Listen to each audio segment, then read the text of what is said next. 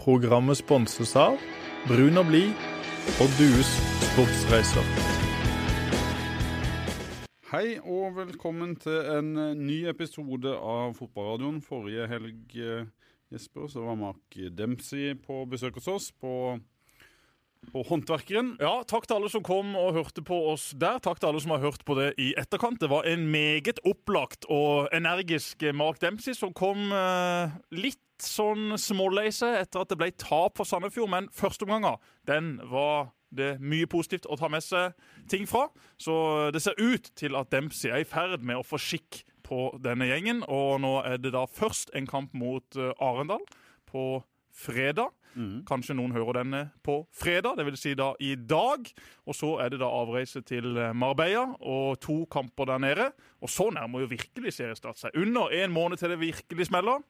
Det blir morsomt. Og i den anledning, når vi snakker om ting som blir morsomt, så har vi endelig fått tak i han som har stått øverst på lista vår siden vi starta denne podkasten. Har vi dratt oss gjennom den ene kjedelige gjesten etter den andre fordi at denne karen fra Aust-Agder, Mr. Busy, har aldri hatt tid til oss. Men i dag har han rota seg inn til Sørlandets flotteste by.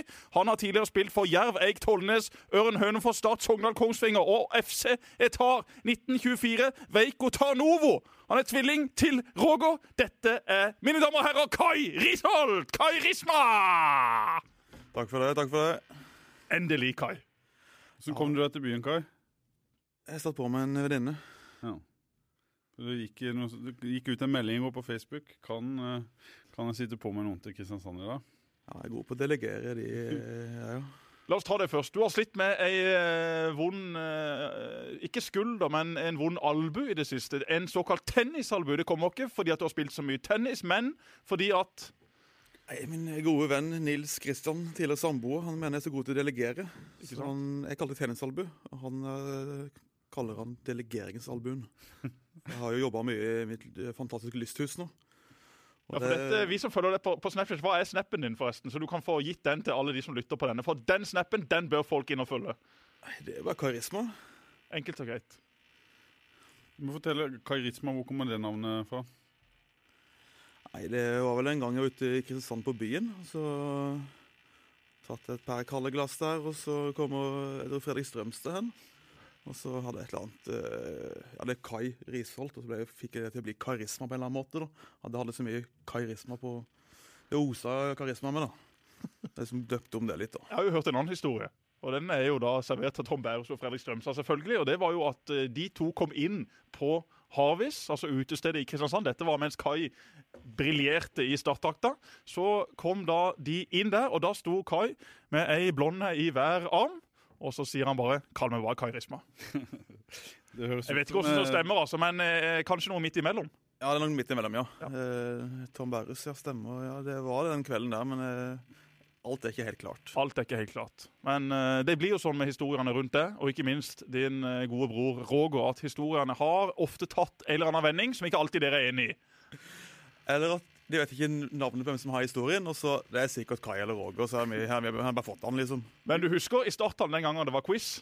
Ja, den Ja, er fin. den er sann. Den er sann. Den er sann. Ja. For da var det slik at eh, det var tre stykk som ble satt opp på scenen og skulle ha quiz. Og det var jo meningen at Kai skulle vinne denne konkurransen. Dermed skulle Kai få de letteste spørsmålene. Husker du spørsmålene og svarene dine?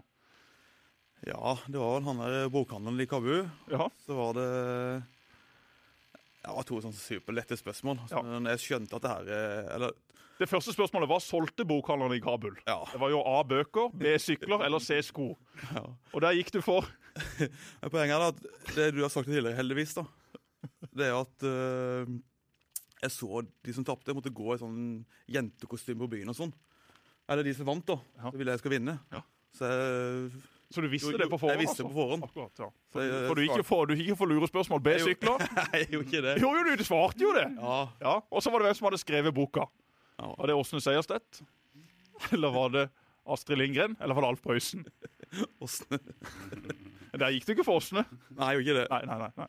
nei. Seierstedt eller Seierstad, det var vi heller ikke helt sikre på. Nei, Det var en fantastisk historie. Ufattelig gøy å ha spilt sammen med Kai. Kai, du har jo omtalt meg som din favorittspiller. Hvorfor det? Nei, Hver gang vi snakker på telefonen, så sier jeg hei, det er favorittspilleren min. Så nei, Jeg husker Jesper kom opp når jeg var eldre. Han var et sinnssykt talent. Ikke, han spilte vel spiss og ble omskulert til defensiv midt, og så endte som stopper. Ja. Flott fotballforståelse. Sånn spillere liker jeg. Vi må ha litt om karrieren til, til Kai. Det er jo ikke alle som, som kjenner han like godt. Jeg kjenner han jo fra gammelt av. Vi spilte fotball sammen. Har de bodd sammen òg? De har bodd sammen en eh, kort periode Mer om det periode i Smidalen. Vi skal innom det. Det kommer vel noen spørsmål fra han eh, lyttere. Kai, eh, sammen med din tvillingbror, et eh, enormt stort eh, talent, i hvert fall i Aust-Agder-målestokk. Ja, det var ikke, ikke kommet så mange gode spillere fra Aust-Agder, så vi var en av de få som klarte å stege opp, da. Men hva var det dere gjorde når dere var små, som gjorde at dere var så gode? Jeg husker jo dere som sånne ja, en helt egen eh, liga. Nei, det er jo ikke noe hokus pokus. Vi trente utrolig mye. Vi var på banen i 10-12 timer hver dag, og på Løkka og spilte mye fotball og ikke minst håndball i tillegg, da. Så det var det er mye trening. Og så konkurrerte dere mye mot eh, hverandre òg, kanskje? Ja, det var alltid intern konkurranse. Jeg husker jeg, vi bytta på å være Erik Mykland, som var min forhåndsspiller, og Tommy Svinne Larsen. Så vi spilte mot hverandre, så bytta jeg på hvem er Tommy og hvem er Myggen. Så det var litt gøy, det, da. Hvem var best av dere? Nei, Når vi var yngre, så var det jo eh, det er sånn 50-50. Litt forskjell. Dere er enegga tvillinger, eller? Toegga. Toegga tvillinger. Men ganske like som spilletyper når dere var, var mindre, i hvert fall. Ja, mindre. Og så tok det en liten vending når jeg fikk meg en liten skade. Så begynte jeg å trene litt vekter og ble litt sånn eh, Biff. Ja, litt biff, litt sånn eh, target-spiss istedenfor å være sånn liten rask spiller. Så mista litt fart, så da ble jeg litt mer sånn kjøttspiller. Mens eh, Roger med den aggressive midtbanespilleren, da. Vi, har jo hatt besøk av Roger her før, som har, har snakka litt om, om forholdet mellom dere to, som ikke alltid har vært best, i hvert fall ikke i, i barndommen og, og ungdommen. Hvordan vil du eh, Hva vil du si om forholdet mellom deg og Roger? Nei, det var jo eh, konkurransemennesker begge to, da. Så det ble jo eh, det ble mye krangling og slåssing og sånn, da. Men jeg har alltid vært sterkere enn da. Så det Jeg husker en gang vi var i kjelleren og skulle slåss, bokse. Mot hverandre. Og slo jeg han selvfølgelig rett ned. Og da kom han løpende etter meg med noen planker han fant å kaste etter meg opp trappa der, så Nei, vi har et godt, veldig godt forhold nå, men eh, før så var det jo eh, Ja, det var mye krangling og hvem er best der, og i håndball og fotball og alt det der. Men kan du liksom se på det som en grunn til at dere kanskje dro det lenger enn veldig mange andre? Ja, for vi er best Ja, det vil jeg av spillestil og om å vinne hele tida, ha det vinnerinstinktet. Det betyr litt å vinne. Det betyr også noe i kortspill eller brettspill. Der er det også krangla. Ja, veldig mye krangling i sjakk og backgammon, ja. Det er godt med brikker der, så Men det er en historie om at dere kansellerte en ferie som var planlagt fordi at dere, den ene mente at den andre hadde eh, juksa i et eller annet spill. Stemmer den? Nei, den stemmer ikke, men det stemmer at eh, vi spilte noe eh, sjakk eller backgammon, og så skulle han låne mitt Alexa-kort. Og så juksa han, eller han Sjakk en sånn rørt brikke. Ja. Så mente jeg at jeg rørte brikken, eller han rørte brikken, eller noe sånt. Og så kranglet vi om det, og så endte det ikke jeg ga han kortet. Jeg er voksent. Samme Lexa-kort, det er jo en uh, fin en. Åssen husker du eh, disse to, eh, Jesper? Du, du eh, opplevde de vel først som voksne, kanskje? Ja, jeg husker jo jeg så Roger eh, spille for Start. Eh, Jeg spilte aldri sammen med Roger sjøl, men blitt godt kjent med Roger i etterkant. Og spesielt etter at han begynte å jobbe på eh, TV. Så har jeg hatt god og fin dialog sammen med han. En skikkelig god kar. Kai er jo den jeg kjenner best. Han kom jo til Start som et litt ubeskrevet blad for oss, men han tok jo fort sin plass i garderoben, hvor han var verdensklasse sammen med et par andre. Og så eh, fikk han også muligheten eh, i et par kamper fra start, men også eh, mange innhopp. Og så var han veldig god på trening. Vi spilte jo ofte på Løvenstad, altså reservelaget på trening, og vi elska jo å rundspille gutta til Tom. Og det gjorde vi titt og ofte. Det var god matching på de treningene. Vi var mange gode, jevne spillere i, i stallen. Og, og Kai var jo den som virkelig kunne irritere Atle Oa Haaland og den gjengen som spilte stoppere for eh, det beste laget. For det er få spillere jeg har spilt sammen med eller mot som er så gode feilvendt som Kai. Han er ikke store karen, men i lufta så var han helt enorm fordi at han hadde en fantastisk spenst. Men han har hatt den beste timinga jeg noensinne har sett. Han eh, var nesten umulig å slå i lufta på sitt eh, beste. Og det var det selvfølgelig mange som ble frustrert eh, over, fordi at Hvor høy er du, Kai? Du er 1,76. 1,76. Det er klart, det Mm. er ikke normalt sett en King Kong i lufta, men det var Kai, og vi hadde det veldig mye moro. Han kjørte jo scooter til en del av kampene i 04, eh, hvor Start rykka opp. Og da husker jeg sjøl at jeg satt på benken. Eh, jeg gikk hjem etter kampen, og da var jo Kai eh, litt eh, sagnomsust, for han hadde skåra mål i den kampen. Da la jeg en lapp på skuteren til Kai og skrøt veldig av innsatsen hans. Husker du det? Ja, det husker jeg. det Var husker det jeg. mot Sandefjord? eh, Ja, Sandefjord ja, det var en viktig, viktig kamp. for De lå og kjempa i toppen, og vi lå og Mm. i toppen.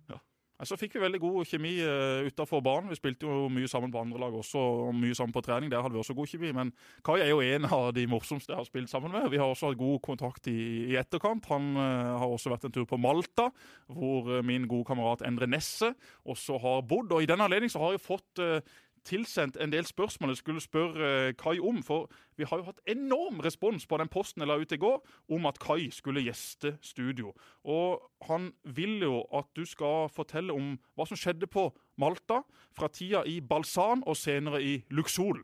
Kan vi ta den Malta-historien eh, først? eh, Også da Malta Football Camp. Hvorfor reiste du til Malta? Hvordan var det der nede? Nei, jeg spilte jo først i Bulgaria, rett ved Sunny Beach. Jeg trives jo i varmen og langs stranda der, så det var Men Hvordan kom det i stand? Da spilte vi ut på Flekkøy, gjorde du ikke det? Først? Nei, jeg spilte på Bryne, Ja. og så hadde jeg lyst på et eventyr som jeg har snakka om i ti år. Så Mm. jeg tenkte at uh, nå må ord bli til handling. Så fikk jeg det til, og så ble det Bulgara, Bulgaria, som var veldig kult, det. da. Og så det var Hvilken klubb var det? FC Etar, eh, en gammel storklubb som egentlig var på vei ned. da. Eh, Det var toppdivisjon, så det var utrolig gøy kamp å spille. Og da var du, Hvor gammel var du da? 30? Eh, 29? Eh, Jeg så på Facebook i dag at det er fem år siden. Ja, Du var et par og 30 da. Da har du krøller, da. Da hadde jeg langt hår. Du reiste til Bulgaria med Du hadde krøller. passert 30 med, med andre ord. Du er jo da 38 år, eh, Kai. Mhm. Så du var 32-33 år når du reiste til Bulgaria. Ja, det stemmer. Ja, Hva, Hvilke forhåpninger hadde du når du kom ned der? Ingen. Eh, fikk jo en god, god kontrakt, men den visste at jeg ikke skulle få alle penger i. da. Så, Ja, Hva vil jeg si? Hva var, hva var en god kontrakt der nede?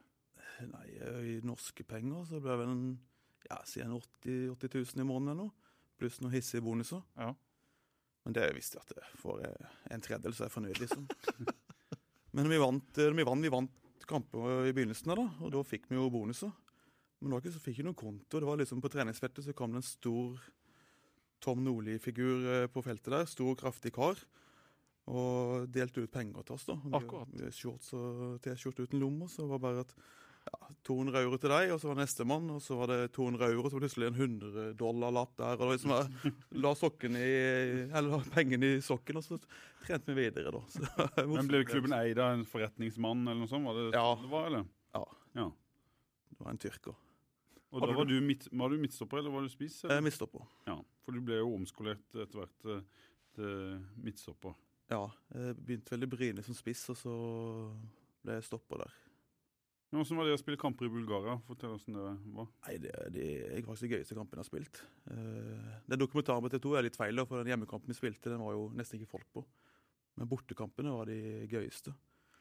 Så det var liksom Spille stopper, du kunne ikke gi beskjed til midtbanespilleren. Du hørte ikke hva Det var så mye støy. Og kampene ble ofte stoppa pga. røyk og Og så skjønte vel ikke du hva de sa, de du spilte med. Jo, det var De snakka jo engelsk, da. Akkurat. Men uh, Ja, det var mye høyt støynivå. Og så var det jo mye rasisme der, da. Ja.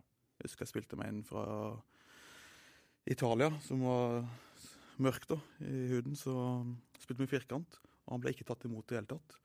Og han kapteinen sa han vil ikke spille med. Jeg, hvorfor det? Nei, han er mørkhuda. Så det var liksom nivået der, da. Flaut. Ja. Med sånn Hitler-tegn på tribunen og sånn. Ja, pinlig. Hvor lenge var du i Bulgaria? Jeg bare seks måneder. Ja.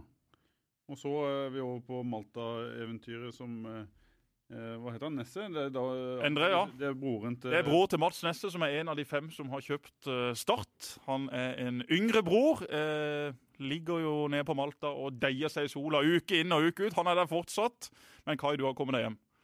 Der spilte mye five-side òg der nede. Ja, det var veldig gøy. Jeg trente jo med et eh, profflag der, og så når jeg var ferdig med, så gikk jeg og spilte med Endre de på Løkka, da. Så, Du trente et profflag i five-side? Nei, jeg spilte jo proff der. Ja, ja, så ok, så trente du trente et lag. Når jeg var ferdig på treninga, så spilte jeg med Endre etterpå, da, så jeg ble jo nesten overtrent der, vet du. Det hadde vært farlig. Men var det sånn at du gikk rett fra Bulgaria eh, til Malta, eller var det en tur hjemom i mellomtida? Nei, jeg gikk rett fra Bulgaria til Malta. Og så Hadde du noen agent som fiksa den overgangen? eller hvordan Nei, kom det i stand? gammel spiller jeg spilte med Bryne, fra New Zealand. Oh, ja. Chris Bright, som hadde spilt i Malta på den klubben jeg var på. da. Som satte opp for meg. Det er mer sånn kjenner en som kjenner en. Det var ikke sånne agenter der. Og du reiste bare ned og sier 'her er, her er jeg'? Jeg gikk ned og satsa, satsa på gull, da, så håpa jeg det kom på flyplassen. Og det, jeg gjorde det, da. Så Var det fint der nede? Var det fint å spille og fint å bo? ja, fantastisk. Og så var det jo det er korte avstander. Det er kvarter til alt. Så jeg Det var ikke hjemmebane og bortebane. Jeg var liksom, brukte tre stadioner spilte på. da. Så bytta på de stadionene. Men det var mye kunstgress der. da. Det overraska meg litt. da. Hvordan var nivået på fotballen i, i Malta? Eller påmalt, da? Eh, Toppdivisjonen eh, var var bra. Da kunne de, de tre-fire beste lagene spilt i Tippeligaen. Du hadde Valetta som og, Ja, Valetta, Slima, de lagene der. Og førstedivisjon er som førstedivisjon i, i Norge, da. For du spilte i begge, begge divisjonene? Ja. Ja. Jeg spilte først i toppdivisjon, og så Det er jo litt useriøst da, med lønn og sånn, da. Og det, å- Ja, Sånn at du ikke vet om du får lønn? Er det Ja. det du tenker på? Ja. det går på Du må vinne. Taper Ja. du noen kamper, så er det jo Du får ikke lønn. Nei. Sånn er det bare. Og blir du skada, får du iallfall ikke lønn. Så det er en risiko du må ta, da. Ja. Det er ikke bare å ringe NISO da, og så ordner de det. Det er ikke sånn det fungerer der, så det er jo Men Hvordan var det å oppleve den sida der av, av fotballen? da? Nei, det var nydelig. Det er jo gøy å gå på trening i T-skjorte og shorts og trene. Men det var proft opplegg. altså. Vi hadde jo italienske trenere. Han treneren hadde vært i AC Milan Akademi i 20 år. Så tidligere var det bare sånn maltesiske trenere. Så de har tatt noen steg der. Det er jo bare en halvannen time til eh, Italia der. Så de ser veldig mot den type spillestil og trenere. da. Mm. Så det var, det var tungt. da. Det var, jeg trodde det skulle være litt mer sånn feriefotball, men det var knallharde treninger. Du vil ned og, og sole deg og tjene litt penger og spille fotball? Ja, eller, jeg sier du trener 89 økter om dagen, da, men jeg var oppe i liksom 10-12 økter og én løpetrening om, Dagen? om dagen. Og så var det jo Trente liksom ti, liksom. Da er det veldig varmt om sommeren. Så det var, det var tøft, det. Men eh, du starta etter hvert også da Malta Football Camp. Ja. Det er derfor jeg bytta klubb, for de hadde de beste fasilitetene og kunstgressbanene. Så da fikk jeg en veldig god avtale der, som gjorde at jeg fikk eh, gratis leie av bane istedenfor lønn. da. Ja. For da var jeg sikra meg der, hvis det skulle bli noe tull. Så Istedenfor å få lønn, så leide du en bane av klubben, Ja. og så shippa du norske klubber til, til Malta? helt riktig. Ja. Så all baneleie gikk rett i lomma til Risholt. Det er en perfekt jobb for meg, vet du, for jeg gikk jo rundt og kvalitetssikra alle hotellene. vet du. Og det var liksom, jeg Kledde meg pent opp i dress der og gikk rundt og kvalitetssikra I alle ledd. I alle ledd, ja. At middagen var altså, bra mat der, eh, senger, alt basseng og alt var jo på stell. da. Så jeg hadde, bodde sikkert på 20 hoteller. Jeg reiste rundt der og sjekka.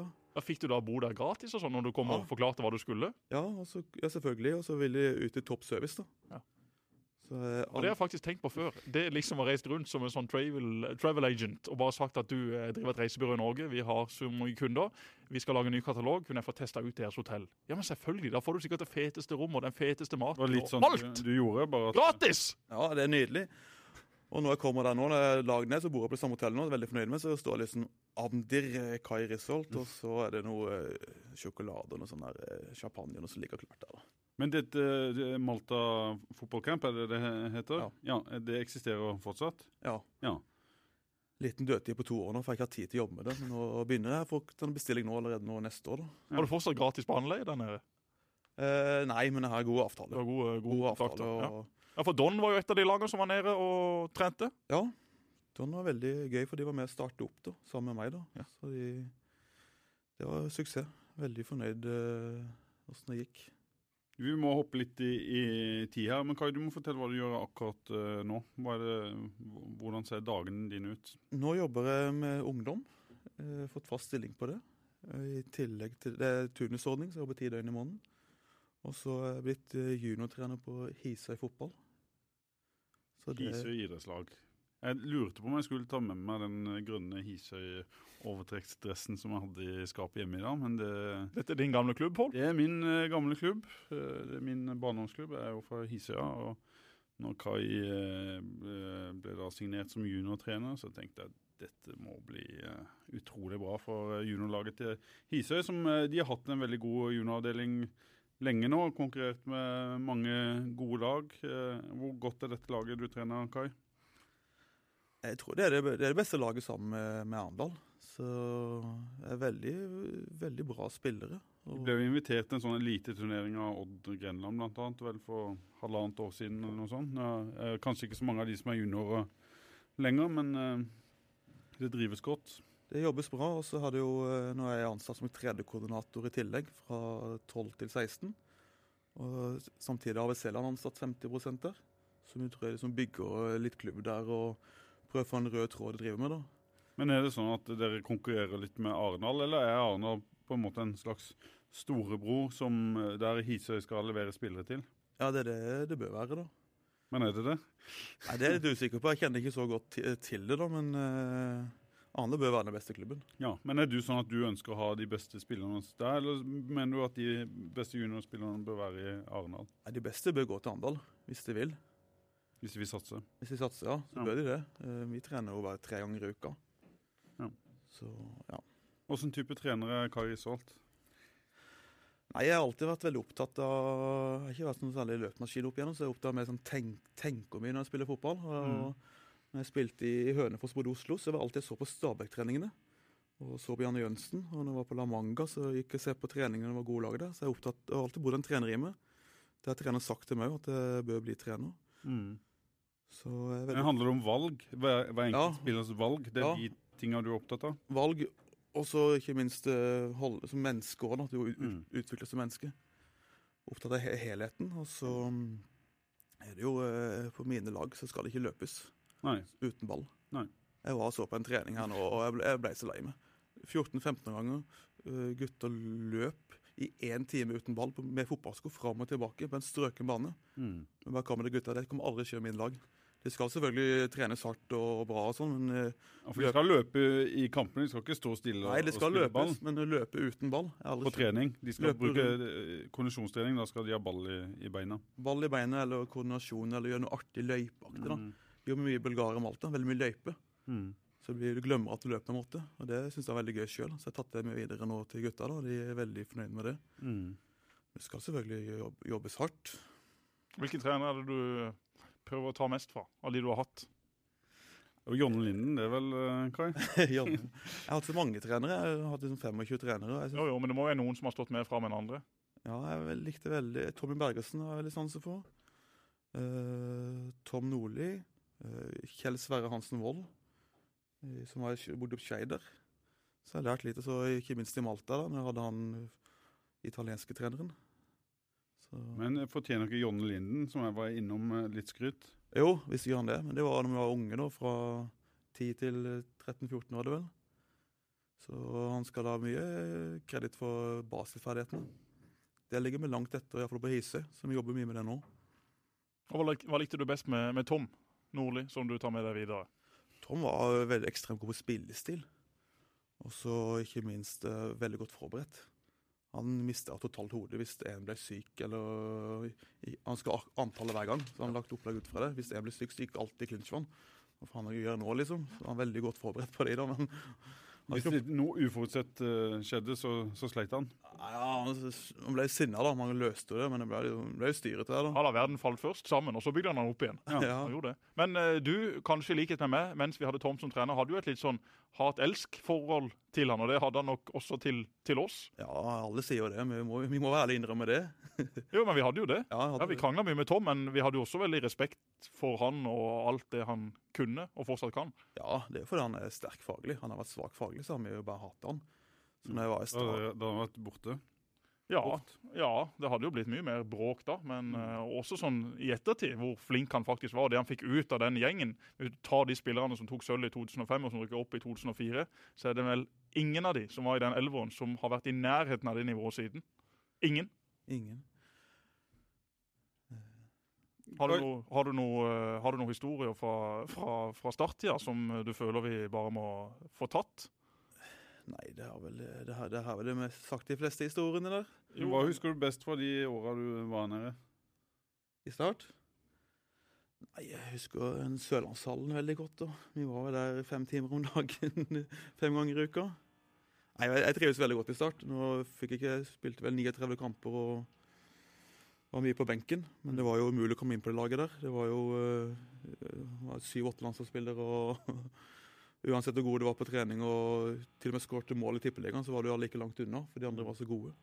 Men Tvillingbroren din Roger han, han var jo i Start et par år eh, før du, du kom, og har jo beskrevet det som litt sånn ja, Å komme inn der var fryktelig vanskelig sosialt. At det var litt sånn klikker, og ja, han var bare en eh, forbanna austeg. Hvordan opplevde du å, å komme inn i, i startgarderoben?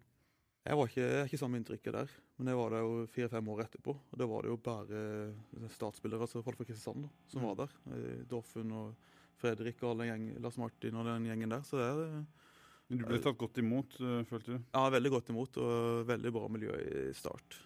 Det syns jeg. Ja, Det var et fantastisk miljø. Det har aldri vært så godt miljø i en garderobe som det vi hadde i 2005-2004. Det var rett og slett helt fantastisk. Så mye morsomme mennesker, så mye gode fotballspillere og så mye gale historier. Jeg tenker Vi trente fem timer om eh, dagen. Ja, minst. Og Minst. Det var eneste jeg husker fra La Manga. der. Vi var der 14 dager med Tom. Det var, trente liksom Vi kom først og reiste sist hver trening og holdt på med den knallharde øvelsen. Så de andre gutta spilte firkant, og Tom hater jo firkant. Det er jo det bør obligatorisk for alle treninger å spille firkant. Det burde vært. Alle treninger burde starta med firkant. Ja. Men trente er for mye? Det er jo mange som har sagt i etterkant at eh, ja, de fikk jo belastningsskader under, under eh, Tom Nordli. Var det vippa litt for langt til den ene sida? ja, det er jo klart. Når du sitter igjen med ni Gilmore Scrogne-operasjoner, så kan du ikke bare skylde på banedekket, da. Men du hadde òg trøbbel? Ja, jeg opererte sjøl i 2005. Jeg har uh, selvfølgelig gjort uh, en jobb uh, i forkant, og Nils Kristian Larsen er en kamerat av dere begge. Ja, han er bedre kamerat av Kai enn en han Men er. Men jeg, jeg har spilt, spilt fotball sammen med Nils, og det var oss tre som bodde sammen da noen måneder i Smidalen. Kai og Nils kjøpte jo en, et hus, eller en Ja, det var et hus, en tomannsbolig. Eh, der eh, jeg bodde en, eh, en sommer. Det endte jo med at de etter noen år solgte huset i Smidalen, som eh, Ja, hva var det? En, det var en bule. Det var det. Det var absolutt ei bule. Og en gang så forteller Nils om at Tom Nordli kom på besøk i 18.00-tida og reiste ikke hjem før vi jagde han ut klokka 04.00 neste morgen. Hva var dette for noe? Nei, det var jo Tom. Han eh, hadde jo familien i Skien, og så bodde han på hotell. da. Så kom opp og sett Champions League hos meg, da. Ja, det er jo klart han kan, liksom. Og så, så kampen er kvart på ni, da. Så jeg tenkte når klokka var nærmest elleve, så begynner han å reise, da da. var jeg til stede. Da var du til stede, ja. Ja. Og det, det sier også historien her. Journalisten Pål syntes det var nysgjerrig, så de prata ganske lenge, da. Vi prata ekstremt mye fotball, og han satte opp flasker all verdens på bordet. og Kai tror jeg gikk inn og spilte noe eh, kortspill på dataen etter hvert. og jeg tror jeg gikk og la meg, men Tom han nekta. Han satt fortsatt og, la- og viste meg flaskene selv om ikke det var noen andre i stua. Ja, ja, men Han ville ha noe mat, husker jeg. da. Ja. Så husker Nils uh, reagerte på at jeg ga han to uh, grå, uh, pølser med gråbrød. Tjukke skiver. Så uh, fikk han to pølser av meg. «Å, Jeg spiser alltid pølser. Det koster det dette? Og stappa i seg der. Men du hadde jo også en hel haug av Grandiosa stabla i den leiligheten en gang da Tom var innom. Nei, det var ikke mine, det var Nils sine. Var det Nils sine? Ja. Men det eh, har jo vært en historie, og den har jeg hørt sjøl også, at Tom han skulle hjem til deg, og Peder Vinsnes kanskje òg, som var innom den leiligheten. Og så var det stabla Grandiosa fra gulv til tak. Men det var ikke dine, altså. Det var ikke mine, altså. Men eh, Grandiosaene, de sto der. De sto der sikkert. Og så spant du rundt i en Audi TT en stund. Ja, jeg husker det med, med, ferdig med Tom der, han, Jeg sto og pussa tennene klokka halv fire. Den natta. Ja. Og da sto han enda. Du, du må ta hintet, liksom. Ja, ja. Da, da kom han seg av gårde. Men du hadde altså en Audi TT som du kjørte rundt i. Han jeg kjøpte av faktisk Alex eh, Valencia. For han kjørte jo litt sånne raske biler. Han kjørte jo en Audi TT, så kjørte han vel en sånn slags Masta òg, som var veldig rask. Han mente jo at han kjørte fra Kjevik til der han bodde ute på Justvik på syv-åtte minutter. Syv-åtte minutter fra Justvik, altså litt langt ut på Justvik, til Kjevik. Altså den veien som da går over Varebroa. Og han hoppa på Varebroa! Du vet når du kjører over Varebroa, så har du disse her små dunk-dunk. dunk-dunk. Det er klart det går ikke an å hoppe, men Alex Valencia han hoppa på de, og så sladda han i alle svinger. Han, Han kjørte altså på syv-åtte minutter, påsto han, fra Justvik til Kjevik. En tur som normalt sett vil ta 20 minutter. Jeg tror jeg vet grunnen. Ja. Da har sikkert han hørt en historie. Mm. At en som kjørte på 16 minutter, Ikke sant? og Alex alltid være dobbelt så god. Ikke sant? Eller så kjenner han en i bagen. Ja. Jeg kjenner en i bagen. Han kjørte på åtte. Uansett hva du sier for noe. Hvis jeg sier jeg fikk 100 000 på skatten Jeg kjenner i Bergen. Han fikk 200. Jeg så standard med han. Alex han, var han var også innom leiligheten i, i Sminehallen no, noen ganger. Vi skal ikke si hva han Nei, hva, hvorfor han var det, men uh, det var nok. Han har jo nå eh, en sønn som ser ut til å bli veldig god i fotball. Jeg følger Alex på Instagram. Han legger ut videoer der uh, Alex og hans sønn er ute og trener. Og det ser ut som en ny, lovende fotballspiller fra Bergen. Og hvis du har en god sønn etter hvert, Kai, din sønn er god, Pål, ja. Hold deg fast. Alex sin, han er dobbelt så god. Det er han. Og så har også Nils tipsa meg om en historie. Hvor parkerte han pioneren når han skulle vise skuldrene og lårene på Bystranda? Nei, det var en sånn steinrøys der, da. Så bare, som går liksom ah, 45 grader nesten. eh. Ja, stemmer. Så Ved, nesten ved broa, eller? Nei, ved stranda der. Å ja. Eh, Der, ja. 50 meter langs eh, sida der. Så Ja. jeg bare parkerte bare opp der, og så måtte jeg jo dra den opp eh, båten med kraft. da. Ja, var det, bare, Det gikk fint. Det gikk fint. Ja. Parkerte bare på høykant der. La til heter jo det. La til. Jeg bare dro opp båten. Men du kjørte også en, en gammel hvit bil hvor du hadde alt tøyet ditt. Altså Det var mer tøy i den bilen enn det var i en normal klesforretning her i Kristiansand sentrum. Ja, det stemmer. Du hadde alt der. Du hadde sokker og boksere og bukser og T-skjorter og jakker og kjeledresser. Solsenger og tennisracket og alt mulig. Du hadde alt. Det er så greit når du slipper å kjøre hjem og hente ting.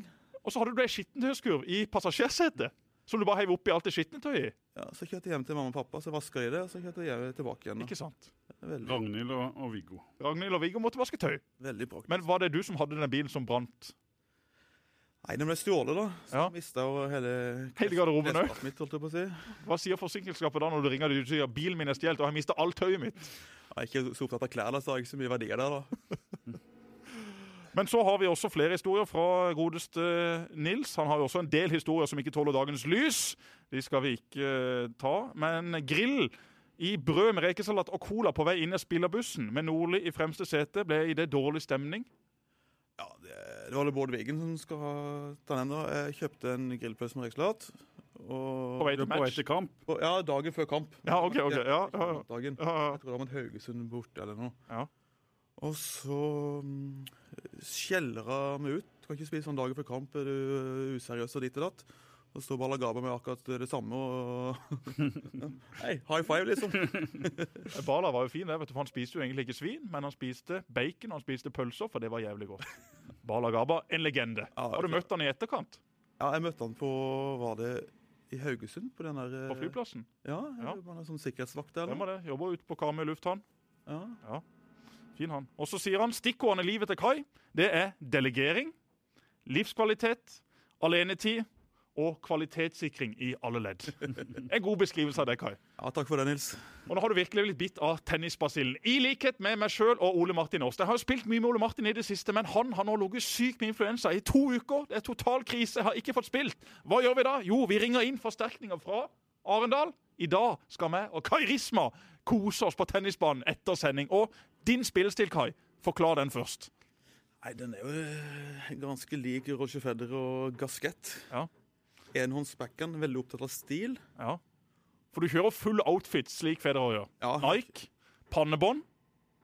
Alt i samme farge. Vi får se et bilde av Kai på sosiale medier. Det er nok fare for det. det, skal jeg fikse. Jeg har Tennisklæret Tennisklærne mine er dyrere enn klær som er i skapet. Jeg har sikkert klær for 15 000 bare i utstyret. Klesskapet er kanskje 5000. Men du har vært med i turneringer borte i Arendal også og gjort det greit? Ja, gikk veldig greit. Overraskende bra. Jeg har spilt mye de siste halvannet året. da. Var det klubbmesterskap, eller? Ja, sånn uoverskjelt. Ja. Og du havna hvor? Ja, Andreplass var det vel. Ja. Tapte mot legenden Grunde Thorsen. Det var klasseforskjell. Og så har du da bygd denne bua di det siste året, for oss som følger deg på sosiale medier. Det har altså vært mye folk innom, kamerater, arbeidere, som du har da delegert arbeid til. Begynner denne bua nå å bli ferdig? Nå er han 90% ferdig. Og dette ligger da rett med sjøen i Arendal, eller hva kaller vi stedet? Ja, skal vi kalle det, Pål? Nidelvåsen, er det der du òg er på Rett ved Strømbroa. Ja. Hølen, kan vi kalle det, Ja. Så jeg har eh, ja, lysthus der, så er boblebad på nedsida. Så vi har en tanke om å ha sklie fra jacuzzien, nei, fra boblebadet ned i jacuzzien. Want flexibility? Take yoga. Want flexibility with your health insurance? Check out United Healthcare Insurance Plans. Underwritten by Golden Rule Insurance Company, they offer flexible, budget friendly medical, dental, and vision coverage that may be right for you. More at uh1.com. Og så videre ned i vannet, da. Akkurat. Folk Jeg gleder, meg, jeg gleder meg til å komme og inspisere til sommeren. folk ballerer det, men det kommer til å skje. Det kommer til å skje, det vet jeg. Og så, bare for å ta ferdig de gamle gutta i startgarderoben. Peder Vinsnes bodde jo også sammen med deg. Har du noen historier sammen med Peder fra, fra Smidalen? Ja, mange historier, men eh, han, eh, Peder er en veldig vittig person. Utrolig gøy å være sammen i to-tre timer. Bror til Fredrik Vinsnes, for de Ja. som husker han. Og da blir det veldig mye Peder Vinsnes etter to-tre timer. Så trikset vi gjorde, Nils, det var at vi kjøpte VG og Dagblad til han. Og så begynte å bli lei han, så bare ga man de, og så var han helt låst i VG og Dagbladet. Akkurat. Så det kosta 20 kroner om dagen å bo med Peder Vinsnes. Men det var det verdt. Ja, definitivt. Husker du Peder også skulle eh, vaske bilene? For han tjente litt dårlig i, i start og ville ha litt mer penger, så han tilbød seg å vaske bilene til spillerne eller de i administrasjonen.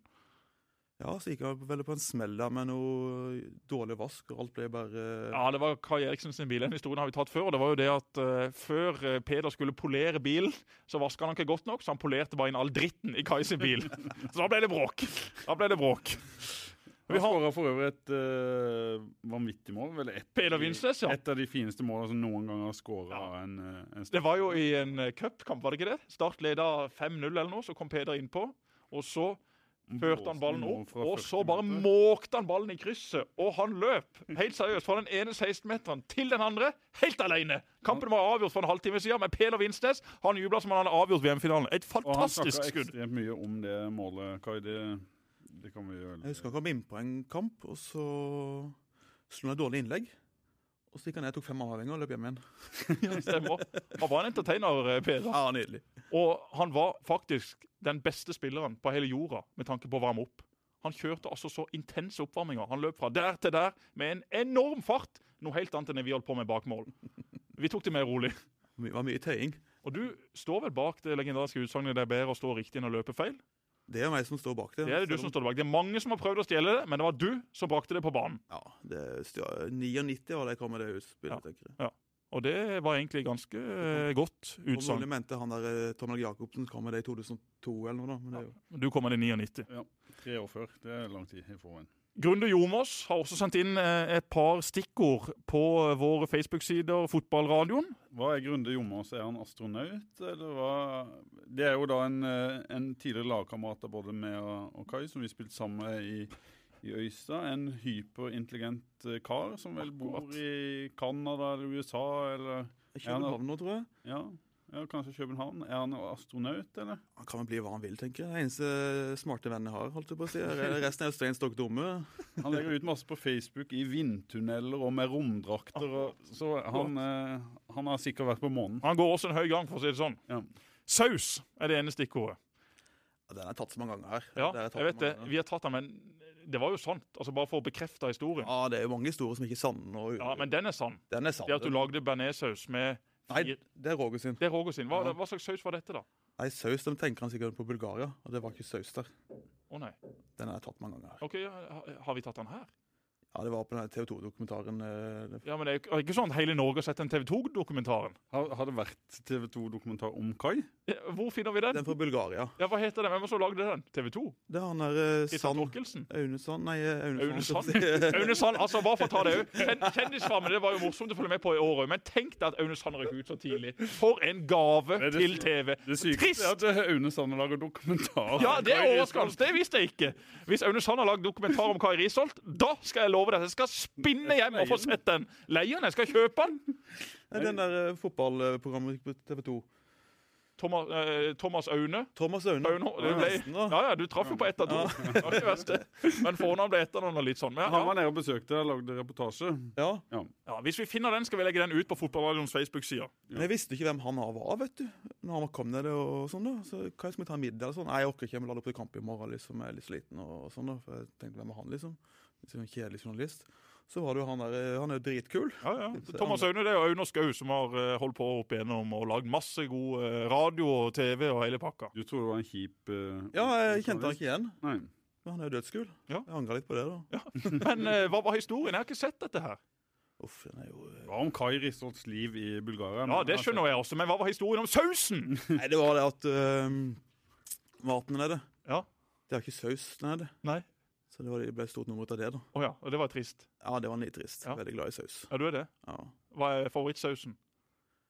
det er peppersaus. Peppersaus? Ja. Du er, du er god på den? Peppersaus, bearnés, noen flere? Rødvinsaus. Rødvinsaus? Ja. ja. Men du kjøper, du, kjøper, du kjøper pakkene, liksom? Du lager det fra bunnen? av? Jeg lager. Lager du fra bunnen? av? Ja, ja. Overraskende. Kjelleren på Farmen skriver også Grunde Jormås. Hva vil det si? Han tenker vel på Er det Roger som spilte fotball i kjelleren, tenker jeg? Ja. Var det noen god historie derifra, eller var det bare krangling og slåssing og vill konkurranse der òg? Ja, Det er vanskelig å forklare, men øh, ja, mye konkurranse. Så Dana Cup, den vant dere da dere var 15-16 år, Ja. med, Jerv? med Jerv. Og da var du på laget, Glenn Andersen på laget, Roger, Tommy Runar. Det var liksom de fire store, kan vi kalle det. Har sett Marius, som uh, spilte på midtbanen, som var veldig god, husker jeg, på det laget. Oh, ja, men det var de fire som ble nå. Ja. Altså Ja, type tok- seniornivå. Tok steget Det videre. er sikkert noen av de som har blitt astronauter og, og, og flere ting, men nå snakker vi om fotballspillere. Og så har han da eh, hvordan og hvorfor både han og Roger fant deres livs kjærlighet når de endelig spilte sammen igjen i Kongsvinger. Nei, det må jo være Kongsvinger er en dødskjedelig plass. Ja. Langt inn i skauen. Det var ikke noe Må få deg dame, da. Ja, For der spilte dere sammen, du og Roger, og så fant Bodde dere sammen? begge damer der oppe. Vi bodde ikke sammen. Det Nei. hadde, hadde ikke gått. Det hadde ikke Nei. gått. Nei. Ja, vi fant begge damer oppe, ja. Ja. Mm. Fortsatt sammen med disse damene. Jepp. Så bra. Roger er gift. Roger er gift. Godt gift. Godt gift. Er Roger klar for en ny fotballsesong for eh, Eurosport og TV Norge og Discovery? Ja, faktisk. Mm. Kunne du tenkt deg å jobbe som det? Aldri. Aldri. Jeg prøvde eh, to kamper, og det ble for slitsomt. Ja. Eh, Imponerende. Det er mye fokus der nå. Jeg liker å se fotball og slappe litt av. eh, Spise litt potetgull, drikke litt cola, godstolen. Men å ha så mye fokus og følge så mye med hele tida, og mye forarbeid, så det orker jeg ikke. Nei, Ikke noe for det. Nei. Så har vi eh, Pål Bertelsen også, som Pila- eh, ja, er også en lokal helt. Eh, nå har jo Kai endelig kommet til en god klubb. Klubben har alltid drømt om å spille for, men nå får han æren av å bli en del av den grønne framtiden som trener i stedet. Det var ikke noe spørsmål, bare et lite innspill derifra. Det var egentlig de innspillene vi hadde fått fra Kais gode kompiser og eh, fans. Det er jo mye av de der ute. Vi har jo hatt Roger her, som sagt, mange ganger. Jeg mobber jo alltid Roger, for jeg vet ikke om det er Roger eller Kai som kommer. Den syns han er veldig dårlig, men da syns jeg det er enda gøyere å mobbe han for det. Ja, jeg taktikken nå. Ikke le eller bli sur på det, bare la det ligge. Så Ikke blir sant. du lei. Du kjenner meg godt nok. Mm. ikke sant? Men så fort jeg får noe som helst respons, enten positivt eller negativt, så kjører jeg videre. Det er bensin på bålet for deg. Har du sett noe på OL? Ja, litt. Ikke så mye. På? Eh, Jeg har sett uh, litt, uh, ikke så mye. Det har jo vært en voldsom medaljefangst i dag morges. Ja, Gull til Svindal, sølv til Jansrud, gull til Mowinckel, gull Sølv- til Haga. Sølv til Mowinckel. Sølv til Mowinckel ble det, ja. Det ble nesten gull. Skifrin eh, stjal gullet. Fantastisk eh, medaljefangst. Men er det ikke litt som prøve-OL over dette her OL? Jeg får ikke helt OL-følelsen. Ikke det tilskuere. Det er altfor mye vind. Det går på feil kanal. Altså, Det er mye som ikke er som det skal. Ja, det er jeg helt enig i. Vi har jo en skjerm her nå, så ser vi noen tilskuere. Eh, Det er skiskyting, der står det en funksjonær. De eneste som møter i løperne, er jo sekundantene. Er de forskjellige Ja, løperne. Det er veldig lite folk, dessverre. Men det, det er jo en sånn en utvikling som er fryktelig lei, syns jeg. Både når det gjelder eh, OL og fotball-VM og andre store arrangementer. At eh, de flyttes jo vekk fra alle demokratier, for det koster jo altfor mye. Og det blir jo stemt ned der det er demokratiske prosesser. Og så er det der det er penger og sjeiker og investorer som styrer. Der kommer OL og fotball-VM, og sånn eh, kan vi ikke ha det i Men i et fotball-VM så kommer det i alle fall fullt av folk uansett hvor det blir lagt. Ja, får vi se. Ja, det gjør, Det gjør det selvfølgelig. Det gjør det selvfølgelig det, og hvis de ikke gjør det- det lagt. Men jeg er Hvis de helt ikke gjør det i Russland eller Qatar, så, eh, så kjøper de jo eh, tilskuere. Mesterskap skulle aldri blitt lagt til Russland eller Qatar. Misforstå meg rett, men jeg mener, der ble det iallfall folk og ser på konkurransene. Det er det jo ikke nede i pang-pang. Når både USA og England ønska seg fotball-VM, og det ble lagt i Russland og, og Qatar, da er det noe spinnvilt. Da er det pengene som rår, og, og det er vel kanskje enda eh, skitnere prosesser i fotballen enn det er i, i OL, der, eh, der en rett og slett kjøper, penger, nei, kjøper stemmer for å få et, eh, et VM. Men vi kan ikke ha det sånn. Nå er jo, neste OL er jo Beijing. Ja. Det er jo eh, ja, Kineserne er kanskje litt mer interessert, det kommer mer folk, men eh, Så tror jo ikke jeg at uh, kombinert og langrenn og alpint blir så veldig stort i Korea, fordi at man har et poenget. OL der. Det hadde vært mye kulere, også for utøverne, å ha hatt eh, steder hvor de visste det ble en skikkelig folkefest. Tenk deg de mesterskapene vi har hatt i Norge. Ja, det koster enormt med penger, men kan man ikke gjøre det på en billigere måte, da? jo. Kan man ikke bruke noe av det man har fra før? Trenger man å stille så enorme krav til alt anlegg som nye- brukes i et kvarter, og så råtner det sammen? Se i Rio nå. Alt det de brukte der nede i sommer-OL. Det er ingenting igjen. Det står bare og fordufter. Etter, Tenk så mye penger det kosta! Et av kravene til IOC er vel at det bygges et ny fil på veiene til og fra stadionene, der IOC-medlemmer og utøvere kan kjøre. Det vitner litt om eh, galskapen oppi, oppi Jeg er alt. like gal som silokoia i Kristiansand. Den tar vi ikke her. Nei, det gjør vi ikke. Den lar vi ligge. Den har blitt debattert nok i andre forum. Du, Vi må snakke litt om eh, Start sånn det ser ut nå. Det er jo veldig mange som er interessert i det. Kai, følger du med på det som skjer i Start? Ja, eh, kun gjennom media, da. Men jeg skal ta meg en tur og se på treningene. For jeg har veldig troa på Mark Dempsey. Ja. Eh, Kjenner du han, eller har du vært borti han? Nei. Je- Jesper, eh, du, eh, vi var jo der på fredag og hørte på Mark Dempsey. Vi satt jo ved siden av han på, på podiet der oppe, og veldig mange som eh, tar det til seg det han sier, og mener at eh, dette er en, eh, en, eh, en klar forsterkning for Start, at han skal klare å løfte dette laget. Eh, er du sikker på det? Like sikker som supporterne rundt omkring? Altså, Supportere er jo alltid veldig sikre når det kommer inn en ny trener. Og de sluker jo alt en ny trener sier, nesten uansett hvem det hadde vært. Så det at supporterne er fra seg begeistring, det er jo ikke en overraskelse. At spillerne svarer som de gjør i avisa når de blir spurt om deres nye trener, er jo heller ingen høyoddser. Det er selvfølgelig det de kommer til å svare, og det de må svare. Og det de mener også i dette tilfellet. Men eh, jeg har troa på eh, Dempsey, selvfølgelig har det. Han har vist at han har masse bra ferdigheter på feltet. Han er en fantastisk person til å få med seg de i garderoben. Han er også en veldig fin ambassadør for en klubb som Start ut mot sponsorer, supportere og alle de andre som skal være med på dette lasset. Så ja, jeg har troa på Dempsey. Og så har Start fortsatt eh, en del hull i laget sitt som det er en del spørsmålstegn rundt. Men hvis du ser på de lagene de skal konkurrere mot, så er det veldig få lag som bare har OK, de elleve der, de kommer til å fungere. Det er spørsmålstegn i de aller fleste lagene i Eliteserien, så vi må ikke glemme det, hvem Stas faktisk skal konkurrere mot. Kabran eh, viste jo et fantastisk innlegg mot eh, Han har vært- Sandefjord. Meget god på trening i det siste. Jeg har sett noen treninger. Der har Start henta en kvalitetsspiller. Det er helt uh, overbevist Ja. Og hvis ikke Start skal prestere langt bedre i år enn det de gjorde i 2016, så er det jo en skandale. For det er blitt brukt veldig mye mer penger. Det er henta inn spillere som Start ikke hadde sjans til å hente før, takket være at Start har fått nye eiere med dype lommer og velfylte lommebøker. Nesten så velfylte som Kai hadde da han uh, rula rundt nede i Bulgaria. Dette blir en spennende sesong. Det kommer kanskje til å skje enda flere ting inn mot seriestart. Det jobbes det i alle fall for. Uansett om Start får til det eller ikke, så tror jeg nok dette kommer til å ordne seg greit. Og jeg er helt enig med Mark Dempsey. Start kommer aldri til å rykke ned i 2018. Jeg tror ikke Start kommer til å kjempe i toppen, men at dette ikke skal bli en bunnkamp når vi begynner å se oktober-november på kalenderen, det er jeg rimelig sikker på. Så har han sagt det, Kai, at han er ikke redd for å Sånn midtbanen hans ser ut nå i 4-3-3, så er det to 18-åringer og en 17-åring faktisk som, som har de tre, tre plassene. Hvis han ikke uh, velger å bruke Børufsen som indreløper. da. Eh, eh, Tobias Christensen, eh, afrikaneren Aremu og afrikaneren Tjom. Eh, er det for ungt, eller tenker du som Mark Dempsey at eh, det er kvalitet som gjelder, og, og bare det? Ja visst er det, men det går over tid om du klarer å prestere over tid. Men hvor mange av de er fra statsspillere eller Kristiansand-spillere? I? I en uh, startelver Ja. Har du Simon Larsen. Så har du Vikne. Han er fra Mandal, men er jo mandalitt, men har bodd veldig mange år nå i Kristiansand. Mm. Og eh, vi kaller iallfall han lokal når han er fra Mandal, som er 45 minutter unna. Så har du Tobias Christensen, som skåra to eh, mål for Norge mot Polen her for Norges G18-landslag for et par dager siden. Tenk deg det, at i fjor så ble altså ikke Tobias Christensen eller Hugo Vettelsen tatt ut til G17-EM. En stor skandale. Det sa vi da.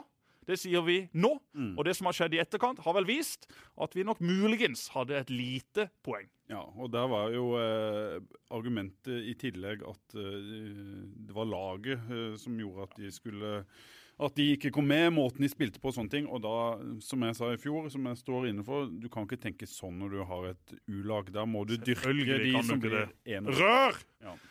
Og så har du da Espen Børufsen, som er ganske benkers i denne oppstillinga. Og så har du jo Floki på topp. Han har ikke bodd så lenge i Kristiansand ennå at vi kan kalle han Nei, du har fire sørlendinger, da, Ja. sånn det ser ut nå i en, en uh, førsteelver. Og så er det jo uh, Ropstad eh, er vel i nærheten. Eh, ja. Så en kan vel ikke ta start kanskje på bruken av, av sørlendinger eller mangel på lokale spillere, men det er vel heller ikke noe poeng. For hvis de hadde hatt elleve lokale, så hadde de vel fortsatt vært et, uh, et Obos-lag. Nei, jeg bare så leste litt på IK Stad sine lagoppstillinger, og Mm. det var mye lokale der som er i nærheten av førsteelveren. Mm. Så jobbes det bra i klubben. Jeg snakket litt med Bård Borgersen, det er en kjempejobb nedover der. Mm. Så mange som banker på døra etter hvert år.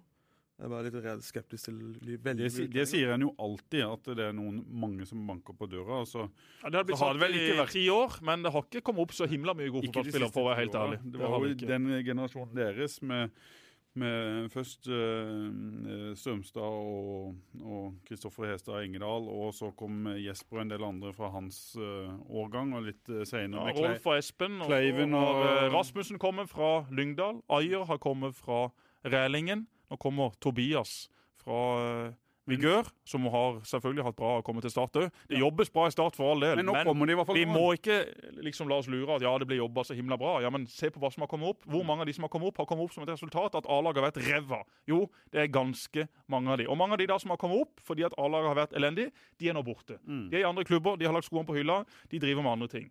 Det er fakta.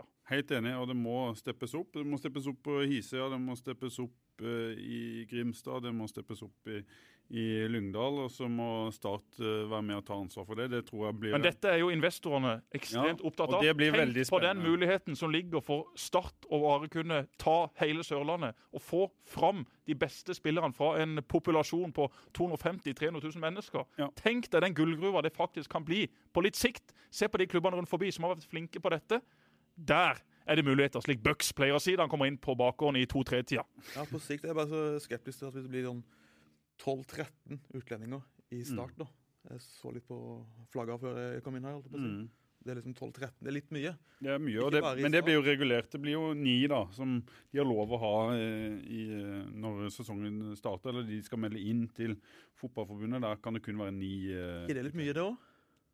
Ja. Jo, men det er du avhengig av. Altså, norske spillere er ekstremt dyre. De er vanskelig å få tak i. Skal du kjøpe en norsk eh, middels god så koster det millioner. Det er mye billigere å hente de utenfra. Ja, det er kanskje litt mer risiko, men så er også oppsida veldig mye høyere. Start må jo få inn spillere som de unge spillerne eller de lokale spillerne kan ha en referanse til. Husk bare på i 2005. Ja, det var mye gode lokale gutter, men Alex Valencia som kom seilende ned fra Bergen Tenk den standarden han satte på det å slå innlegg, det å slå dødballer, det å drible én mot én. Altså, han var jo en ener på det feltet i hele Eliteserien. Han hadde man i start. Da kunne vi som var på vei opp, se og lære av de tingene Alex gjorde. Bala Garba var jo ikke en stjernespiller, men han fikk nå i alle fall jobben gjort. Ja, han var utenlandsk, men han eh, var i alle fall en spiller som eh, satte en del krav til hvordan du skulle jobbe som spiss i Tom sitt system. Så kan jo både vi og det være så uenige vi vil at Bala skulle spille alt, og Kai Risholt ikke skulle spille noen ting. Men sånn var det i alle fall. Det er viktig å få inn utenlandske spillere som leverer, ikke utenlandske spillere som er nummer 13, 14, 15 eller nummer 22. Da er det bare tull. Det tror jeg også tror jeg er viktig å ha to tanker i huet samtidig. At en tar det utviklingsarbeidet på skikkelig alvor, sånn at en kan produsere sine egne spillere i, eh, som er av samme kvalitet som de en henter inn, og kanskje til og med bedre. Som jeg har sett med Mathias Rasmussen og, og Ayer, som kanskje ble litt for gode for det nivået Start eh, var på. De hadde vel blitt dersom Start hadde vært en middels god eliteserieklubb, så kunne de blitt lenger og kanskje fått mer penger for de. Men eh, vi har vært innom det, Jesper, at eh, det handler om å, å vinne. Det er jo Bare å se på Vipers. Det er jo veldig få som snakker om at eh, ok, de har Katrine Lunde fra Kristiansand, men før hun kom inn, så har det jo stort sett vært Veldig få som snakker om Vipers generelt i forhold til Start. Ja, men- Bare la oss ha det på det rene. Ja, ja, men de har entusiasmen i Vipers. Der var det 200-300 eh, mennesker på kamper. De lå midt på tabellen. Og med en gang de begynte å vinne og utfordre Larvik, så kom det jo 1500. Og det var jo ikke fordi det er sørlendinger selvfølgelig. Hvis Start vinner gull med 11 fra Ghana, så er det fullt på stadion. Hvis Start rykker ned med 11 sørlendinger, så er det 900 mennesker der. Og det er venner og familie. Jeg tenker bare på start, jeg tenker generelt ni utlendinger i en tropp er mye. Ja. Så ikke bare start. Ja, men det er jo maks. Det er jo ikke alle som har det. Nei, men det er like, like mye. I, I Malta var det maks tre. Ja. Ja. Altså, For norsk fotballs del så kan det Ja. godt hende helt enig med deg, at det tallet er for, Altfor høyt. for høyt. Maks fem. Ja, det kan godt, eh, det kan Og godt maks hende at tre det fra start. Et eller annet sånt. da. Ja. Så Da kan fem i stallen og tre som kan starte kampen og bytte rullere på de da. Det blir for mange. Og det Jo, men at eh, det det er jo også om å gjøre å, å heve nivået på den norske ligaen. Skal du kun ha norske spillere i den norske ligaen, så klarer man ikke å konkurrere mot de beste ligaene rundt forbi Europa. Ja, man skal ikke konkurrere med Premier League og, og, og, og La Liga osv., men skal Norge utvikle seg som fotballnasjon, så tror jeg man er helt avhengig av å ha mange utlendinger i den norske ligaen som faktisk hever nivået. Og Hvis du kun kan ha fem utlendinger, ok, så skriver du kontrakt med fem utlendinger.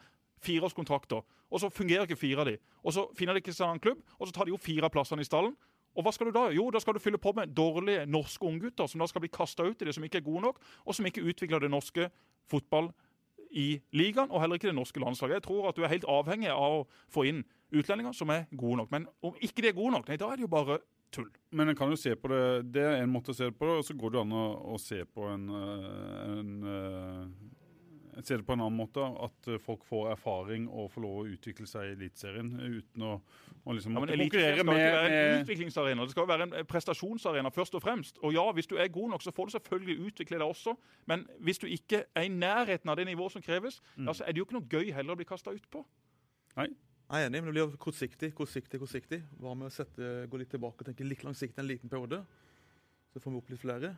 Ja, det er, jeg er helt enig med, jeg er enig med deg, Kai. At, Det har jo vært eh, perioder hvor er for mange. Jo ja, ja, det, det kan jeg sånn sett kanskje være enig i, men jeg mener vi kan liksom ikke sable vekk alle de utenlandske spillerne heller. De er vi helt avhengige av i en begrensa fotballnasjon som Norge for å faktisk ta de stegene vi er nødt til å ta. Se bare på de som kommer inn nå. Kabran i Start f.eks., som har ferdigheter som veldig få andre spillere i den norske ligaen har. Tenk for en referanse det vil være for en startspiller som er 16-17, som kommer opp og får trent litt med A-laget. Jøss, se hvordan han gjør det og det og det.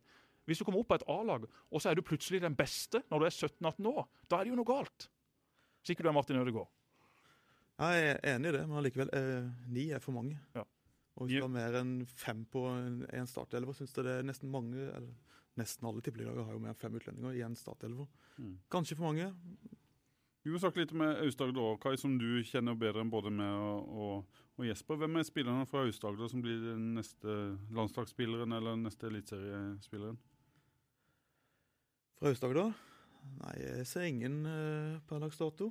Eh, Du har en i Mjøndalen, Yldren, som, som gikk fra Arendal, som vel du har spilt uh, ja. sammen med, som er en talentfull kar, men han har ikke liksom den edgen der. Men et talent er liksom litt misforstått. Er jo, han er jo 22 år nå. Hvor lenge Mm. er jo 17-18, må jeg vel stoppe med å være talent lenger. Kan ikke være evig ung talent. Men hva er det som er forskjellen på Øst- og Vest-Agder? Her er det jo i Vest-Agder eh, ja, til enhver tid kanskje 20 spillere som spiller på, på toppnivå, enten i, i Norge eller i utlandet. Og så er det i Aust-Agder er det knapt noen. Jeg skal ikke unnskylde Aust-Agder, men det er jo mange flere enn oss. Jeg mange Randesund f.eks. har kanskje fem ganger så mange spillere som Hisøy har. da. Mm. Men det jobbes veldig bra. Utrolig bra i Vest-Agder. Det vet jeg det gjør. I Hisøy nå så begynner vi å jobbe på nytt. Vi får en rød tråd av det vi skal gjøre. Litt mer orden på ting. De fleste lag som jeg ser nå fra 13, 14, 15, 16 år, de setter en kjøttbekk og slår ballen langt på to spisser, som er store og sterke, tilutvikla, og får resultater på det. Men de blir jo tatt igjennom to-tre år, og da har jo ingen lært noe. Men er det sånn at hver klubb liksom driver for seg sjøl, prøver å lage det beste guttelaget, det beste juniorlaget, og så, og så kommer en på en måte ingen vei? Ja, det mener jeg det er. Det er jo sånn, De som trenere vil jo vinne. Det er jo, Mm. Man skal ikke vinne alltid når man er 14-15-16 år, så du vil trene på å vinne. Man må tenke litt på utvikling og de tinga der. Og der ligger vi langt bak, tror jeg. altså. Mm. Men hvorfor er det ingen som tar tak i dette, Jesper? Jeg har jo inntrykk av at det har begynt å bli tatt tak i. Nå har Jerv kommet seg opp og blitt et Mm. stabilt Obos-ligalag. Der har de mye flinke folk som garantert også jobber godt. Men Der ble det jo bråk senest for et, Ja, et halvt og det er jo akkurat dette. Eh, Når du skal håper jeg endre måten å jobbe med unge spillere på, eh, hvor skal du hente de fra? Når skal du hente de fra? Hvorfor skal de komme til Jerv når de kan eh, spille i den og den klubben? Det der eh, puslespillet der vet vi at i Norge er ekstremt vanskelig. I eh, Bærum og Stabæk så har de gjort det på én måte, men på den måten kunne aldri gjort det på Kristiansand. For her er vi eh, mye mer klare til å hoppe inn i en krig. Og jeg vil tro det er akkurat det samme borte i Aust-Agder. Jeg har jo eh, tenkt og diskutert og snakka mye om hvordan skal man løse dette på en best mulig måte. I mitt hus er det jo ikke så nøye å få alle til den beste klubben når de er åtte-ni år. For det første så er det vanskelig å, å vite hvem som blir best. Samtidig så mener jeg at det er ganske lett å se hvem som ikke blir best. Så må de ha konkurranse. Så må de ha konkurranse, ja. Men hvis du har altså skolerte trenere rundt forbi klubbene, som vet hva dette går i, som vet hva de skal stille krav om, ja, så er jo det det aller viktigste. I altfor mange klubber så går det trenere som ikke har nok faglig kompetanse. Og hvordan skal du da bli en god fotballspiller hvis ikke du har riktig påvirkning når du er i den motoriske gullalderen mellom 8 til 12 år, når du virkelig kan ta disse stegene? Kommer du til en, en toppklubb i Norge når du er 15-16, så kan det faktisk være for seint for toppklubben å skape noe ut av det. Men hvis toppklubben kan være ute og jobbe sammen med disse små klubbene for å faktisk få skolert spillere, trenere, så godt som mulig, så er jo mye av jobben gjort. Jeg tror det er den eneste måten å gjøre det på.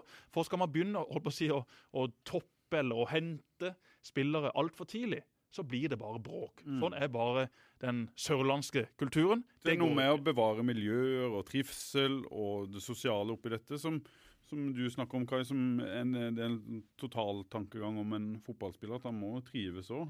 Ja, og ikke minst det med hospitering. Det føler jeg er litt misforstått. Alle skal liksom, Er du jævlig god, så skal du hospitere opp ett og to år. Det kan du gjøre kanskje en gang i uka, Mm. kanskje to, men ikke alle treningene. For det første mister du kameratskapet til de går i klasse med.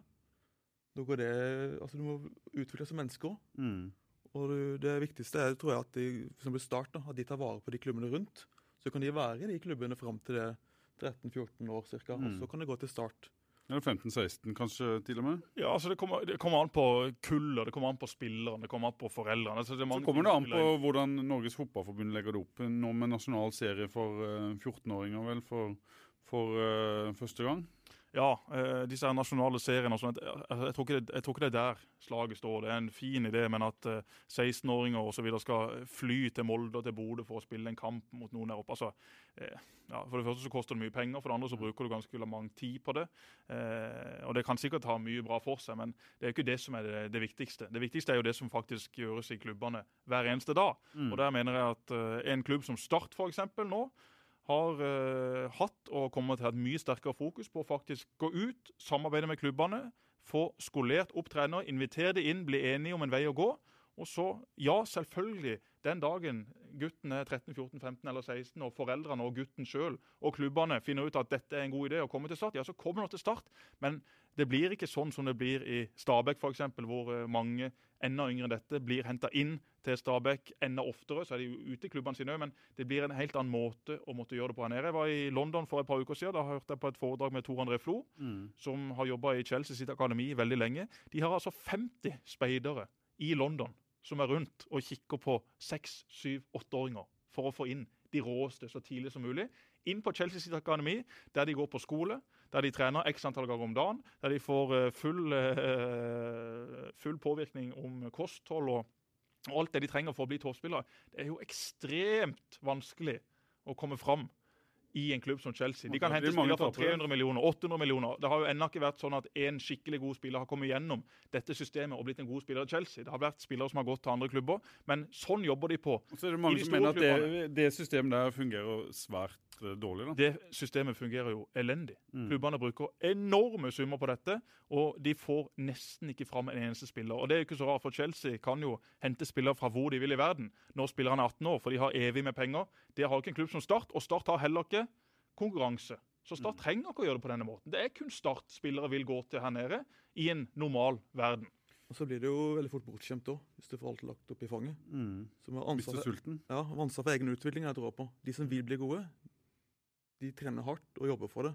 Mm. Ikke bli altfor sydd Altså, det blir jo for bortskjemt, mener jeg. Og så har jo engelskmenn nå eh, Manchester City har jo tatt et steg bort fra sånn alle de andre engelske klubbene driver, der de fra åtte års alder reiser på turneringer der målet er å vinne alle turneringer. Manchester City har gått bort fra eh, alt. Frem til de er 17 år så skal de ikke vinne noen ting som helst. De skal utvikle fotballspillere. Det er Pep Guardiola som har kommet inn i City og sagt at sånn kan vi ikke ha det her. Litt mer sånn spansk eh, tankegang med utvikling da. Det, jeg jeg om Hisøy. Jeg skal ikke om vi kommer på førsteplass eller femteplass. Det er ikke det viktigste. At vi blir første at vi har det bra, har det gøy sammen, og blir bedre til å spille fotball. Mm. Spillestil og de tinga der. Og Jeg har alltid sett en høyreback på å slå ballen langt med to-tre spisser og løpe som det. og Så er det, syv, så er det tre spillere som er gode og syv som er middelse. og Så får du gode resultater på det, men de blir ikke noe utvikling. Men Hvordan stiller du deg til fysisk trening når du nå er blitt trener? For det er klart, Da du var spiller, så var du en fantastisk god fotballspiller med mye ferdigheter. Men hvis du ser tilbake på karrieren din, kunne du fått mye mer spilletid? Kunne du spilt i bedre klubber hvis du hadde vært mye mer nøye med kosthold og det som går på rett og slett å forberede kroppen sin på, på det som kommer? Jeg må ærlig innrømme det, selvfølgelig. Jeg burde trent bedre. Kostholdet var bra, eh, men jeg var litt for glad i Jeg spiste Ja, men kostholdet var jo eh, ikke, det var jo ikke, det var jo ikke 100 Jeg spiste sunt, men jeg var så glad i potetgull og sjokolade og sånn, så det utenomsportslig der. Og det er ikke- det som er skuespiller. Ja, men eh, jeg har aldri vært uh, skada, kun i starten. Ja. Og jeg er veldig opptatt av de tinga der. Og det gjør jeg nå i Hisøy. Der har vi kjøpt inn strikk. Jobber med strikk to ganger i uka. Veldig opptatt av skadeforebyggende. Og vi trener bra. Mm. Det skal være gøy. Ja. Jo, men altså, Det er jo veldig interessant å høre på for uh, altså hvordan du da har reflektert over det som sånn sett var dine svake sider mens du var spiller. Det skal i alle fall ikke bli den svake sida for de spillerne du nå trener. Men å løpe rundt og rundt banen Det blir ikke, blir ikke bedre i, i senga å løpe rundt og rundt senga. Det gjør det ikke, Men for med Tom så var det ikke veldig ofte vi løp rundt og rundt banen. Nei, det det var ofte det. veldig tøffe økter med ball. Med ball. Alt med ball. Du glemte at du løp hele tida. Og det vi gjorde mye i Bulgaria og Malta. Vi hadde italiensk trener og en tysk trener. Veldig mye koordinasjon og motorikk. Mye stiger og hekker og mye løping. Og så du glemte liksom løp. Det bare gikk av seg sjøl. Ja. Og det ble jo knallgodt trent. Så er det gøy. Du blir ikke bedre i senga å løpe rundt og rundt senga. Var det det du sa i stad? Å oh, ja, den er fin. Nei, du gjør kanskje ikke det. Har du prøvd det noen gang? Det var vel Nils Arne Eggen som sa, tror jeg. Var det det, ja? Å ja. Nei, Da kunne du fått det sitatet også hengt opp etter det. Du ga det til Nils Arne? Ja. Ja, ja, Han fortjener sitatet, han òg. Yes. Ja, vi må, vi må snart opp og slå noen baller, vi, Kai. Banen er booka. Nye baller i bilen. Åtte nye baller fra Wilson. Hva setter du oddsen, eh, Pål? Nei, hvis jeg skal tippe, så tror jeg Mathisen får en litt for tøff eh, kamp mot uh, Risholt. Jeg, jeg vet ikke hvor mye Jesper har, har spilt, men jeg, jeg, det aner meg at du kanskje har spilt mer enn han. Jeg har spilt mer enn tror jeg, men jeg har noe inside information om Jesper. At eh, han har noen privattimer som uh, Nå sa det høyt på radioen, ja. Nei, nei, nei, jeg har ikke det. Du har privattimer. Jeg Nei, har, Hvem er eh. Hva heter han treneren? Jeg husker, jeg husker hva han heter, men eh, han har sett, observert deg i hallen med noe grepteknikk og sånn. Ja, ja det, det stemmer, men jeg er ikke privat trener. Dette er altså Gunnar Sandnes. Det, var det. Ja, ja. Ja, altså Gunnar Sandnes er jo da far til Stine Sandnes, som i sin tid var en meget talentfull spiller. Spilte for Amazon, spilte for noen klubber på Østlandet. Masse aldersvendte landskaper, gikk i klasse med henne. Derav blitt god kamerat også med faren. Kan nummeret hans i huet, forresten. 9084 1166. Han har gitt meg noen tips om bare hvordan jeg skal holde racketen. Det er ikke noe mer enn det. Jeg har ikke, jeg har ikke hatt noen privattimer med, med Gunnar. Jeg har bare spilt litt med han. Gunnar er en veldig eh, ivrig og god tennisspiller. En fantastisk fin fyr! Svigerfar til eh, Fredrik Jacobsen, som i sin tid også spilte på Start. En lang, sterk spiss som ble kasta inn på laget når den gale islendingen tok over. Da skulle han bare ha spillere på over 1,90. Strømstad ble sendt til Bærum. Alle tometersfolkene ble hevet inn på banen. Der kom Fredrik inn. Ja, det var det. Jeg har ikke hatt timer. Tip, tipset mitt til deg Kai, er å slå flest baller på Jespers eh, høyre arm. Eh, så tror jeg du, du tar han. Ja, men jeg er jo høyrehendt. Jeg er Ja, men, ja, da Ja. slår du på den andre sida. jeg er opptatt av eget spill, så eh, Ja, jeg er ikke det. Jeg er kun opptatt av å utnytte s- svakheten hos motstanderen. Så nå skal jeg finne ut hva som er svakheten din, og så skal jeg angripe den. Det var min taktikk når jeg spilte badminton. Bare slå over på backhand hver gang, så, Ja. så vinner du til slutt. Så går jeg til nett. Fryktelig sterk på nett. Forhånd er min eh, svakhet. Ja, min òg. Ikke at Fryktelig forhånd. Backhand min er god, men den er utrolig sexy. Han er det. Mm. Vi får ta, vi får ta eh, diskusjonen videre når mikrofonen er slått av. Så minner vi om at Fjellandsøen sender eh, Start Arendal i morgen i Sørlandshallen klokka klokka ja, eh, Det er fem, er det det? Altså fredag, må du si. Ja. Ikke sant? For det kan Fredag. være noen som hører denne på fredag, eller kanskje på lørdag eller søndag. Da er det jo for seint å se den direkte, men kan jo kanskje gå inn og se den i opptak. Og da kan, de, da kan de se kamper fra Marbella òg. Vi sender begge statskamper fra Marbella også. Og det er da neste uke. Det er neste uke. Så håper vi at Norge tar enda flere gull nede i Pyeongchang. Det gjør de helt uh, sikkert. Det Det, er gøy med vinter-OL. Selv om det er litt mye vind og litt lite mennesker, så er det jo gøy uansett. ja, nå har jo været blitt uh, fint, så. Ja, det. men nå snur det her, da. Hvis du skulle vært god i en vinteridrett, eh, Kai, hva hadde det vært? Skihopp? Hopp, ja. Hopp. Ja, jeg tror jo du hadde det sterkt der. Eh, Men følelsen av å ligge i lufta der og Ja, Men i liten bakke, da, for du er sånn type krafthopper. Jeg ser ikke for meg du som en sånn skiflyger. altså 1,50 høy og 80 kilo. Det, det går ikke. Litt for glad i pølser til det, ja. Kulekjøring kanskje hadde vært noe for. Du da, Jesper? Jeg tror jeg vel måtte vært eh, noe klassisk sprint eller noe sånt altså, på ski. Ja. Det måtte vært det. Men jeg er uendelig langt unna. Klæbo, altså. Store helten blant eh, unger på skolen, Jørgensen. Ja, Rett og slett. For en skiøver! Ja. Skiøver, skiutøver heter det. Nå må vi spille tennis, Kai. Fint. Banen Takk for i dag. Jeg gleder meg. Lykke til. Takk for det. Legg med måte. Programmet sponses av Brun og blid og Dues sportsreiser.